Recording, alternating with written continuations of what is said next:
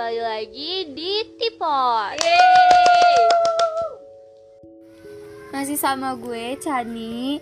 Dan di episode kali ini kita bakal ngomongin salah satu mental health Yang gue juga baru baru dengar akhir-akhir ini Yaitu people pleaser. Kalian ada yang udah tahu belum people pleaser itu apa? Atau kalian baru dengar sekarang ada istilah people pleaser? Di episode kali ini gue bakal sharing ke kalian sedikit tentang informasi people pleaser ini. Nah, people pleaser itu sebutan bagi seseorang yang selalu berusaha untuk menyenangkan orang-orang di sekitarnya dan sulit untuk bilang tidak. Misalnya, kalian tuh pasti sering berpikir kayak gini. Sebenarnya tuh gue nggak mau, tapi gue nggak enak kalau nolak Nah, itu tuh bisa jadi kalian termasuk people pleaser. Sifat ini juga bukan kebiasaan baik loh guys. Dan ini juga bisa nurunin kualitas hidup lo. Dan untuk perempuan sifat ini tuh bisa disebut juga good girl syndrome. Siapa pun orang yang punya sifat ini pasti akan cenderung untuk melakukan apa pun agar orang lain tuh nggak kecewa sama mereka.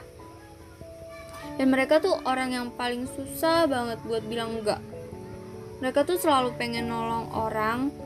Ya padahal dia sendiri juga lagi capek. Pokoknya tuh mereka lebih sering nyenengin orang lain deh daripada diri sendiri. People pleaser juga punya tanda-tanda selain sulit berkata tidak dan yang pertama, mereka merasa bersalah setelah melakukan sesuatu. Misalnya, lo tuh nggak pingin pergi ke acara itu, tapi lo tetap datang. Dan akhirnya lo sampai rumah bakal ngerasa bersalah karena udah buang-buang waktu lo di sana. Yang kedua, sering meminta maaf walaupun nggak ada yang salah. Seseorang yang memiliki sifat ini akan selalu siap untuk disalahkan, meskipun itu sebenarnya ya kesalahan orang lain mereka berpikir lebih baik meminta maaf daripada orang lain musuhin mereka atau benci sama mereka. Dan yang ketiga, memerlukan validasi dari orang lain. Lo percaya kalau lo tuh pantas disukain oleh seseorang kalau lo udah ngasih semua apa yang lo punya ke orang itu. Karena lo takut akan penolakan, lo bakal berusaha sebaik mungkin untuk dapat pujian dari mereka.